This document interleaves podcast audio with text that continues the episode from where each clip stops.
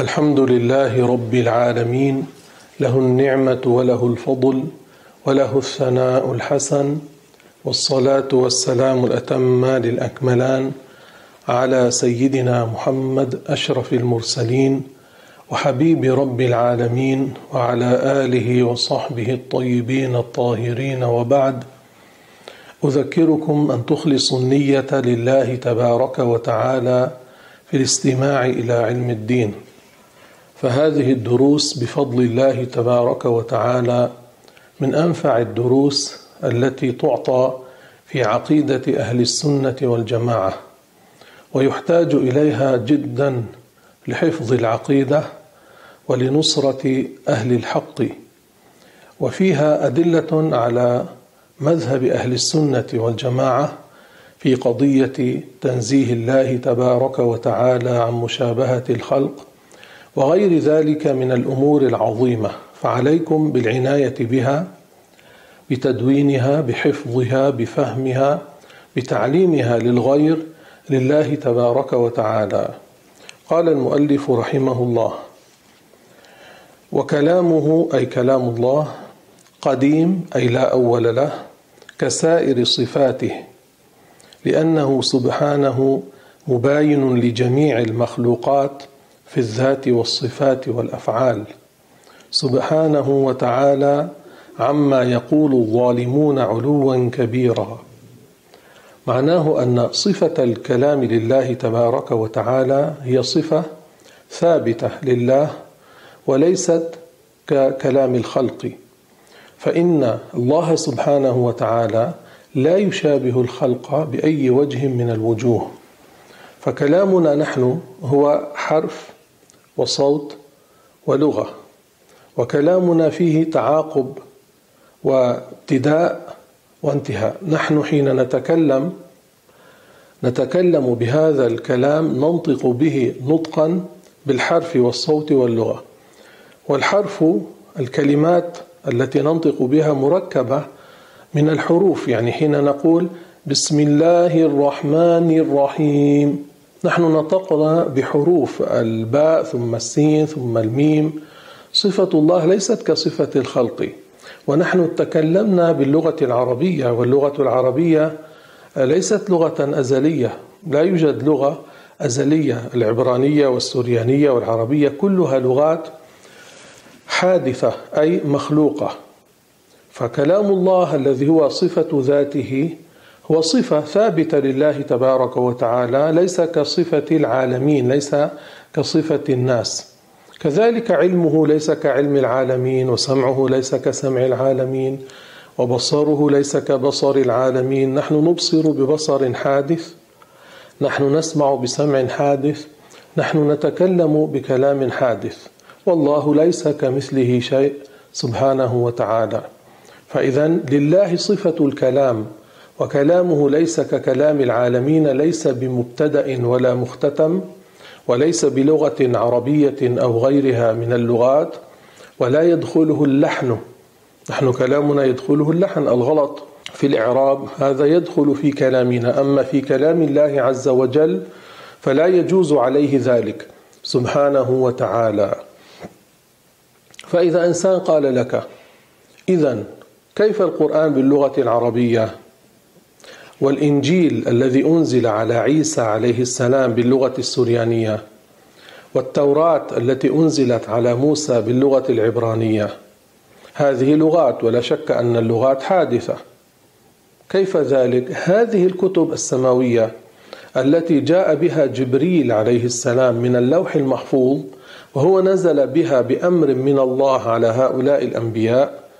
هذه عبارة عن صفة الله.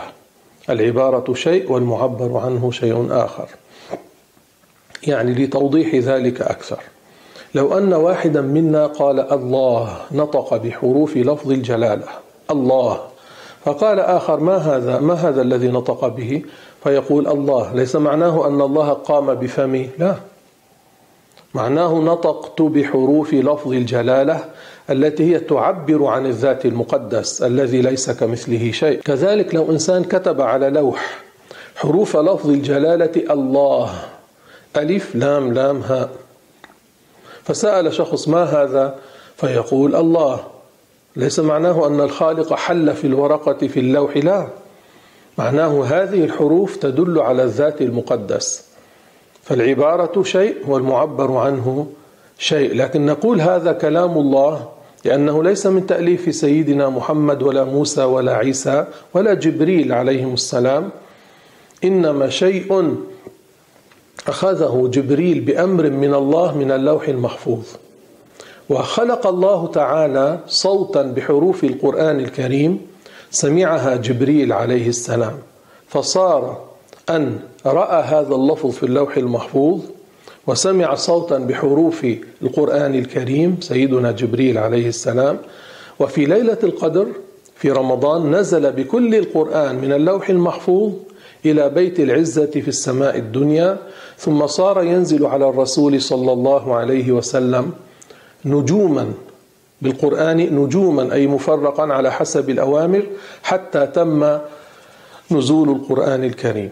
فهذا اللفظ الموجود على الورق الورق مخلوق حادث وهذا الحبر مخلوق ولفظي أنا نطقي مخلوق.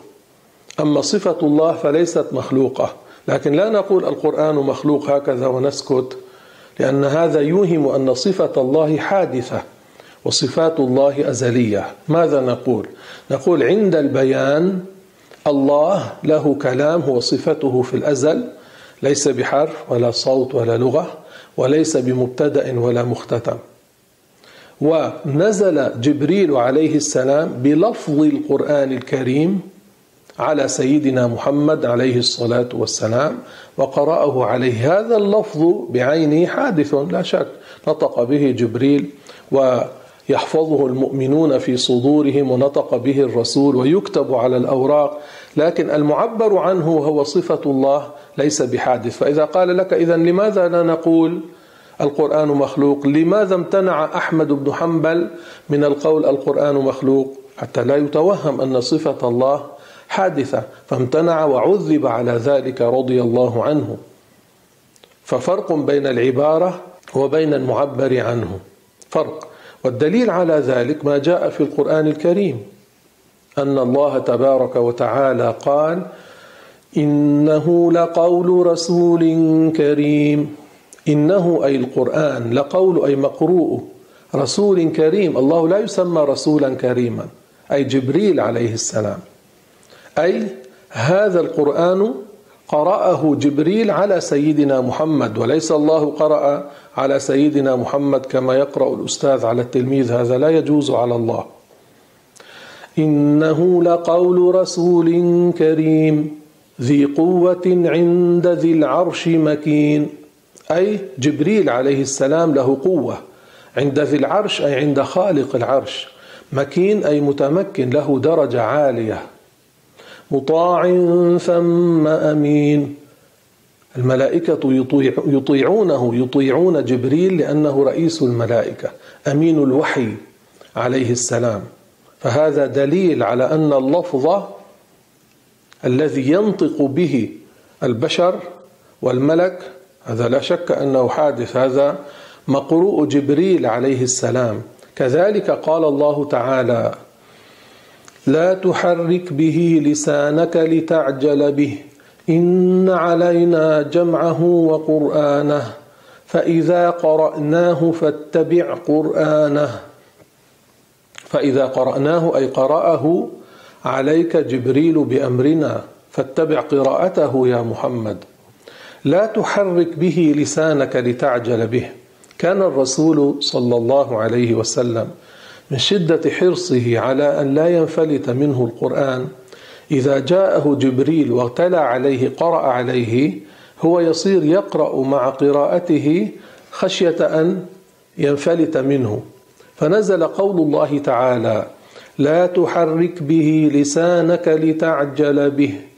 يعني يا محمد حين يقرأ عليك جبريل القرآن بأمرنا أنت لا تحرك لسانك معه خشية أن ينفلت منك. إن علينا جمعه وقرآنه. إن علينا أي نحن ضمنا لك أن يكون مجموعا في صدرك محفوظا في قلبك. فإذا قرأناه فاتبع قرآنه. أي فإذا قرأه جبريل عليك بأمرنا فاتبع يا محمد قراءته. هذا معناه. فإذا قرأناه ليس معناه الله يقرأ كما نحن نقرأ. إنما الله أمر جبريل عليه السلام فقرأ على سيدنا محمد بأمر من الله تبارك وتعالى.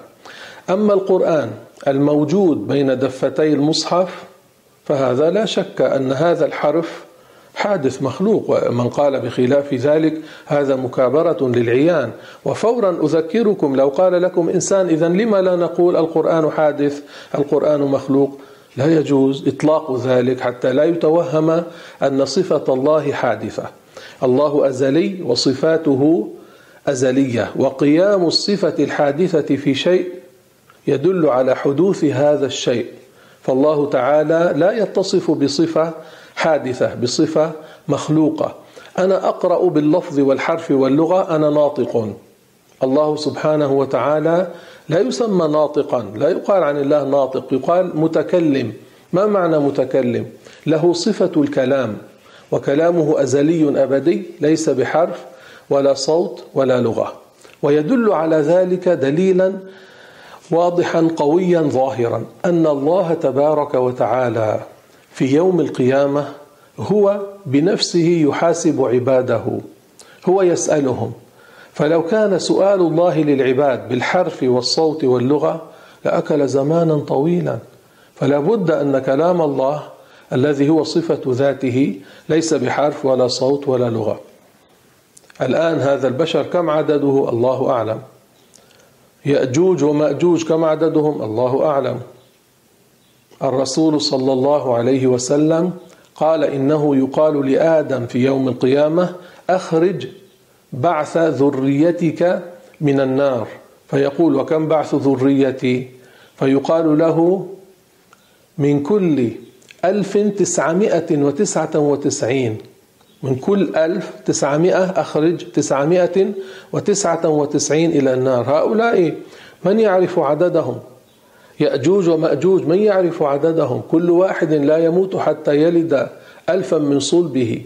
وخلفهم ثلاثة أمم. ثلاث أمم خلفهم. منسك وتاويل وتاريس. لا يعرف عددهم إلا الله. فلو كان سؤال هؤلاء وسؤال البشر بقية البشر وسؤال إبليس الذي خلق قبل الملائكة قبل البشر وإلى الآن حي وسيبقى حيا يفسد إلى النفخ في الصور. لو كان سؤال كل هؤلاء بالحرف والصوت واللغة لكان يأكل زمانا طويلا. الله أعلم كم هو. والله يقول في القرآن الكريم عن نفسه سريع الحساب ويقول عن نفسه ألا له الحكم وهو أسرع الحاسبين. معناه أنا أسرع من كل حاسب. لو كان سؤاله كسؤال إنسان لإنسان بالحرف والصوت واللغة لكان أبطأ الحاسبين.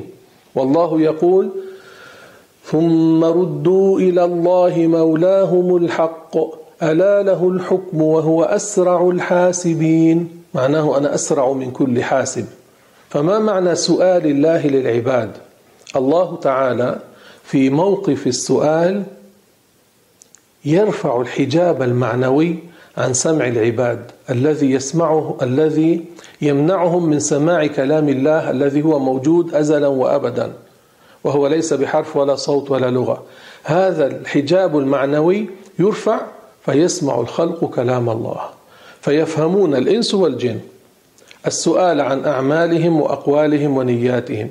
في لحظة قصيرة الله يفرغ من حساب كل العباد. هذا دليل على أن كلام الله الذي هو صفة ذاته ليس بحرف ولا صوت ولا لغة. الله لا يحاسب العباد كحساب مالك للرعية. الله لا يحاسب العباد بمقابلة بينه وبين العباد. المقابلة تكون بين المخلوقين. العباد في موقف السؤال. يرفع عن أسماعهم الحجاب المعنوي المانع من سماع كلام الله الذاتي الأزلي الأبدي فيسمعون كلهم كلام الله تعالى. المؤمن يفرح والكافر يزداد غما. يفهم منه السؤال لما فعلت كذا لما تركت كذا ألم أصح بدنك ألم أعطك كذا؟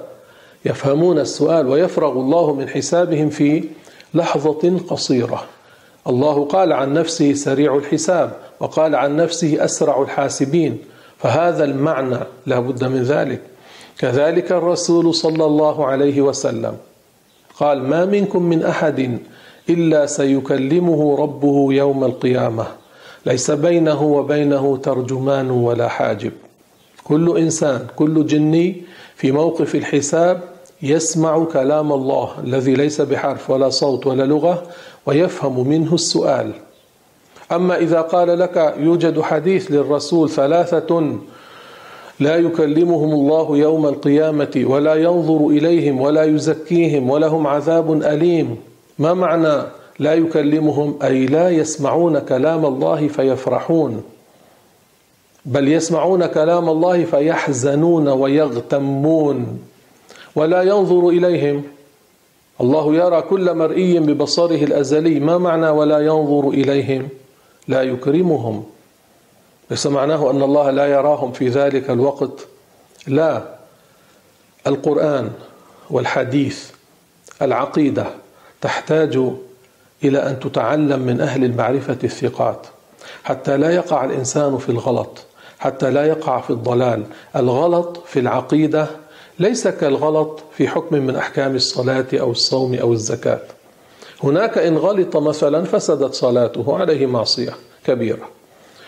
إن غلط في مسألة الزكاة ما صحت. إن غلط في مسألة الصوم فسد صومه في الحج كذلك.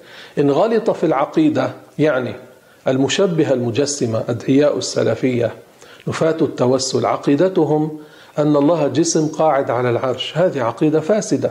من يموت عليها هو والكافر المعلن سواء يخلد في نار جهنم. لماذا؟ لأنه كذب القرآن. الله قال ليس كمثله شيء. لو كان الله جسما لكان له أمثال لا تحصى. لو كان جالسا لكان له أمثال لا تحصى. لو كان مستقرا لكان له أمثال لا تحصى. لو كان كلامه بالحرف والصوت واللغة لكان له أمثال لا تحصى. لو كان سمعه كسمعنا لكان له أمثال لا تحصى. ولو كان بصره كبصرنا لكان له أمثال لا تحصى. لذلك تعلم العقيدة من أهل المعرفة الثقات من أهل السنة والجماعة ضروري ومهم. أولا لحفظ العقيدة ثم بأخذ الأدلة لرد هؤلاء الذين يدعون أنهم من السلف الصالح. يقولون الله يتكلم بحرف وصوت. يقولون الله له لسان وله شفتان. ما بقي لهم إلا أن يقولوا الله إنسان لكن ما صرحوا بهذا اللفظ. جعلوه كخلقه. يقولون مجيء الله بالانتقال على زعمهم وصعود على زعمهم حقيقي ونزول حقيقي. ويصفون الله بأنه يسكن السماء والعياذ بالله. هؤلاء ما عرفوا الله تعالى. عبدوا شيئا هم تخيلوه توهموه تصوروه. في الحقيقة لا وجود له. لا يوجد فوق العرش جسم كما يزعمون حي قادر عليم مريد. أما إذا قيل لك إذا ما معنى قول الله تعالى إنما أمره إذا أراد شيئا أن يقول له كن فيكون؟ ليس معناه أن الله كلما أراد أن يوجد شيئا يقول كن كن كن هذا مستحيل. في كل لحظة يدخل في الوجود ما لا يدخل تحت الإحصاء من الخلق. فلو احتاج كل مخلوق إلى كن بحرفين متعاقبين لما كان هذا الخلق موجودا. فإذا ما معنى كن فيكون؟ سرعة الإيجاد. إذا أراد الله في الأزل وجود شيء وجد في الوقت الذي أراد أن يوجد هذا الشيء من غير ممانعة ولا تأخير. وليس ذلك صعبا على الله لأنه لا يوجد شيء صعب على الله بل هو هين يسير على الله تبارك وتعالى. ليس معنى الآية كما تقول المشبهة. ابن تيمية يقول الله قائل كن بحرفين متعاقبين يقومان بذاته. يقول الحرف الذي هو حادث يقوم بذات الله لكن جنسه أزلي. هذا غير معقول وهذا غير صحيح وهذا غير مستقيم في العقل.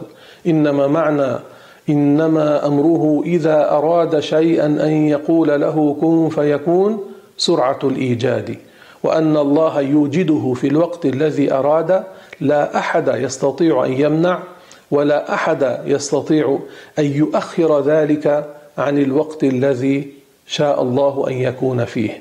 فإذا كلام الله الذي هو صفة ذاته ليس بحرف ولا صوت ولا لغة وليس بمبتدأ وليس بمختتم. كلامه ليس ككلام العالمين. صفته صفة ثابتة لله. الله أزلي وصفاته سبحانه وتعالى أزلية. لأنه سبحانه أي أنزه الله أنزهه مباين أي غير مشابه لجميع المخلوقات في الذات أي ذاته ليس كذوات الخلق. ذات الله معناه حقيقة الله الذي لا يشبه الحقائق. أما ذاته المخلوق جسمه ذاتي جسمي ذات الكتاب جسم هذا الكتاب. فذات الله ليس كذوات الخلق. والصفات صفات الله ليست كصفات الخلق. لو كان اللفظ يستعمل أحيانا هو هو.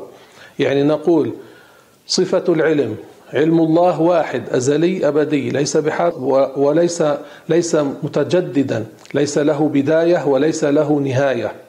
أما علمي أنا فهو حادث لكن أقول عندي صفة العلم. علمي حادث مخلوق متجدد يزيد وينقص. علم الله لا يزيد ولا ينقص. وهكذا حين أقول كلامي كلامي نطق بحرف وصوت ولغة كلام الله واحد ليس بمتجزئ. قال الحافظ البيهقي بوحدة كلام الله أي ليس شيئا متجزئا أي ليس شيئا حادثا. وكذلك قال أبو علي السكوني من علماء المغرب. كلام الله واحد أي ليس شيئا متجزئا. لأن المتجزئ مخلوق حادث. كلامي أنا متجزئ مركب من الحروف. كذلك الأفعال. فعل العبد حادث. وفعل العبد بالمباشرة بمباشرة ما يريد أن يفعل هذا الشيء الذي يريد أن يفعله. إما أن يباشره وإما أن يباشر آلة. ثم بالآلة يباشر ما يريد أن يعالج. أما فعل الله صفته في الأزل والمفعول حادث. قال الإمام البخاري وأبو حنيفة رضي الله عنهما فعل الله صفته في الأزل والمفعول حادث. يعني نقول تخليق الله أزلي والمخلوق حادث. المخلوق ليس موجودا في الأزل لا. تخليق الله أزلي والمخلوق حادث. ففعل الله صفته في الأزل والمفعول حادث. سبحانه وتعالى. سبحان الله أي أنزه الله. تعالى الله أي تنزه الله. هذا للتأكيد. سبحانه وتعالى عما يقول الظالمون علوا كبيرا. أي أنزه الله تنزيها مؤكدا. الشرح أن كلام الله وسمعه وبصره وقدرته وحياته ومشيئته وعلمه وبقاءه هذه الصفات صفات ثابتة لذات الله الأزلي الأبدي فهي أزلية أبدية لأن الذات الأزلية لا يقوم به صفة حادثة فكلامه قديم أزلي لا ابتداء له. قال العلامة أبو علي السكوني الإشبيلي المتوفى سنة 717 في كتابه التمييز لما أودعه الزمخشري من الاعتزال في تفسير الكتاب العزيز. هذا الزمخشري خبيث من المعتزلة كان يصف أهل السنة بأنهم حمير فهذا ضال من الضالين والعياذ بالله. في, المجو في المجلد الأول ما نصه مسألة وما يستدل به من السمع على ثبوت الكلام القديم صفة لله سبحانه وكلم الله موسى تكليما أي الله تبارك وتعالى أزال الحجاب المعنوي عن سمع موسى لما كان في جبل الطور طور سيناء فسمع كلام الله الذي ليس بحرف ولا صوت ولا لغة. وفي لغة العرب إذا أريد تأكيد حقيقة الفعل يؤكد ذلك بالمصدر. فهنا قال الله تعالى تكليما أكد الفعل بالمصدر معناه موسى سمع كلام الله الذي هو صفته ليس بحرف ولا صوت ولا لغة. وكلم الله موسى تكليما.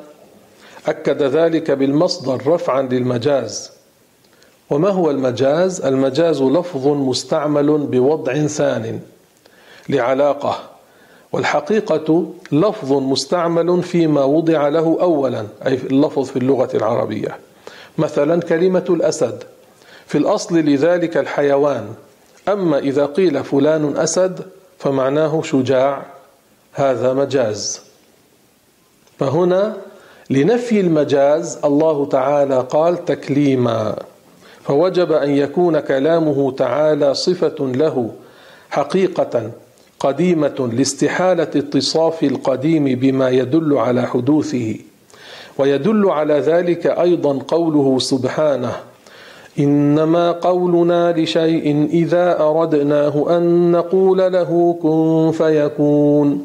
فلو كان كلامه تعالى مخلوقا لم يكن صفة له ولزم أن يقول له كن فيكون بكلام آخر ويلزم من ذلك التسلسل وهو محال فلا بد من قدمه فاستحال حدوثه. واستحالة كونه ليس بصفة حقيقية سبحانه فوجب قدمه. وكونه صفة حقيقية له سبحانه وهو المطلوب ويدل على ذلك أيضا قوله سبحانه ألا له الخلق والأمر. ففرق تعالى بين الخلق والأمر فوجب أن أمره سبحانه ليس بمخلوق. أي أن الله سبحانه وتعالى قال في الأزل ولم يزل قائلا ما عبر عنه في القرآن بهذه الألفاظ التي فيها الأوامر. وقال أيضا ما نصه وكلام الله سبحانه واحد بإجماع الأمة. معنى واحد ليس شيئا متجزئا ليس شيئا حادثا ليس شيئا مخلوقا. وما كان كذلك عن صفة الله الكلام فلا يكون حرفا وصوتا ولغة ولا يبتدأ ولا يختتم. ولذلك لا يقال عن الله ناطق لأن النطق لا يكون إلا بحرف وصوت والله لا يتكلم بحرف وصوت بل يقال متكلم لأنه يتكلم بكلام ليس بحرف وصوت.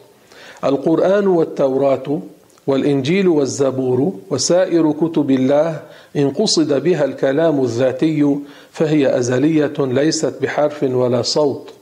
وإن قصد بها اللفظ المنزل الذي بعضه بلغة العرب وبعضه بالعبرانية وبعضه بالسريانية فهو حادث مخلوق لله لكنها ليست من تصنيف ملك ولا بشر وهي عبارات عن الكلام الذاتي الذي لا يوصف بأنه عربي ولا بأنه عبراني ولا بأنه سرياني. قال أبو حنيفة في الفقه الأكبر احفظوا هذه العبارة فأبو حنيفة من رؤوس السلف ولد سنة ثمانين للهجرة. قال في الفقه الأكبر ونحن نتكلم بالآلات والحروف والله تعالى يتكلم بلا آلة ولا حروف والحروف مخلوقة وكلام الله تعالى غير مخلوق. وقال الباقلاني في الإنصاف ويجب أن يعلم أن الله تعالى لا يتصف كلامه القديم بالحروف والأصوات ولا شيء من صفات الخلق وأنه تعالى لا يفتقر في كلامه إلى مخارج وأدوات بل يتقدس عن جميع ذلك. وكل يطلق عليه كلام الله أي أن صفة الكلام القائمة بذات الله يقال لها كلام الله. واللفظ المنزل الذي هو عبارة عن كلام الله الذاتي الأزلي الأبدي يقال له كلام الله. فتبين أن القرآن له إطلاقان. انتبهوا لهذا هذا الكلام مهم جدا. أي له معنيان. الأول إطلاقه على الكلام الذاتي الذي ليس هو بحرف ولا صوت ولا لغة عربية ولا غيرها. والثاني إطلاقه على اللفظ المنزل الذي يقرأه المؤمنون. وتقريب ذلك أي إلى الأذهان حتى يكون ذلك قريبا إلى الفهم أن لفظ الجلالة الله عبارة عن ذات أزلي قديم أبدي. فإذا قلنا نعبد الله فذلك الذات هو المقصود. وإذا كتب هذا اللفظ فقيل ما هذا؟ يقال الله. بمعنى أن هذه الحروف تدل على ذلك الذات الأزلي الأبدي لا بمعنى أن هذه الحروف هي الذات الذي نعبده. وذات الشيء نفسه وعينه. والله سبحانه مباين أي غير مشابه لجميع المخلوقات. في الذات أي ذاته لا يشبه ذوات المخلوقات أي حقيقته لا تشبه الحقائق. والصفات أي صفاته لا تشبه صفات المخلوقات. والفعل أي فعله لا يشبه فعل المخلوقات لأن فعل الله تعالى أزلي أبدي والمفعول حادث. ومعنى سبحانه تنزيه لله تعالى ومعنى تعالى تنزه وهو تبارك وتعالى متعال أي متنزه عما يقول الظالمون أي الكافرون. ولما كان الكفر هو أعلى الظلم وأكبره وأشده أطلق الله في القرآن الظالمين وأراد به الكافرين. لأن كل الظلم الذي هو دون الكفر بالنسبة إلى الكفر كلا ظلم. قال تعالى والكافرون هم الظالمون. الكفار هم أكبر ظلما أي أن كفرهم أكبر من كل ذنب وكل الظلم دونه. كل ظلم دون ظلم الكافر فهو أعلى الظلم. لذلك الله تعالى قال والكافرون هم الظالمون وسبحان الله وبحمده والحمد لله رب العالمين. ربنا آتنا في الدنيا حسنة وفي الآخرة حسنة وقنا عذاب النار. اللهم إنا نسألك العفو والعافية في الدنيا والآخرة. اللهم ارزقنا حسن الحال وارزقنا حسن العمل. اللهم إنا نسألك حبك وحب من يحبك والعمل الذي يقربنا إلى حبك. اللهم اجعل حبك أحب إلينا من الماء البارد. اللهم إنا نسألك الجنة وما قرب إليها من قول أو عمل. ونعوذ بك من النار وما قرب إليها من قول أو عمل. اللهم اجعل خير أعمالنا خواتمة. واجعل خير أيامنا يوم لقاك يا رب العالمين. اللهم أصلحنا وأصلح ذرياتنا. اللهم قنا شر ما نتخوف. اللهم أكرمنا برؤية وجه سيدنا محمد عليه الصلاة والسلام. وتقبل اللهم منا الطاعات وارزقنا حسن العمل والإخلاص يا أكرم الأكرمين. اللهم اجعلنا من عبادك المتقين. اللهم اجعلنا من عبادك الزاهدين. اللهم اجعلنا من عبادك الصالحين. يا أرحم الراحمين يا أرحم الراحمين يا أرحم الراحمين. نهلل. لا إله إلا الله. لا إله إلا الله لا إله إلا الله. اللهم صل على سيدنا محمد وعلى آله وصحبه وسلم. اللهم صل على سيدنا محمد وعلى آله وصحبه وسلم. اللهم صل على سيدنا محمد وعلى آله وصحبه وسلم. رب اغفر للمؤمنين والمؤمنات رب اغفر للمؤمنين والمؤمنات. رب اغفر للمؤمنين والمؤمنات. هنا سؤال مهم. فيه إذا ركب سيارة الأجرة دون معرفة الأجرة ما الحكم؟ لا يجوز في الشرع جهالة الأجرة. احفظوا هذا حتى تطبقوا أحكام الشريعة. فإذا إنسان قال لك نحن لا نعلم نفعل هذا ونفعل هذا ونركب السيارة دون معرفة الأجرة. قولوا لهم قال العلماء لا يجوز للمكلف أن يدخل في شيء حتى يعلم ما أحل الله منه وما حرم. فسيارات الأجرة التي يركبها الشخص والأجرة مجهولة حرام. إن لم يعرف الأجرة حرام. إما أن يسمي الأجرة وإما أن يقول له بالتبرع تتبرع بإيصالي وأتبرع لك بالمال. أحيانا يقول لك الدولة جعلت عدادا يعني الأجرة مجهولة قل له نتعامل بالتبرع مراعاة للشريعة. يعني توصلني تبرعا وما يطلع على العداد أعطيك تبرعا. لكن لا نمشي هكذا على الأجرة المجهولة. أما إن كانت معلومة في بعض البلاد مثلا تدفع كذا من هذه الناحية إلى هذه الناحية فهذه أجرة معلومة يجوز ذلك ما فيه معصية. لكن جهالة الأجرة تفسد العقد بالإجماع.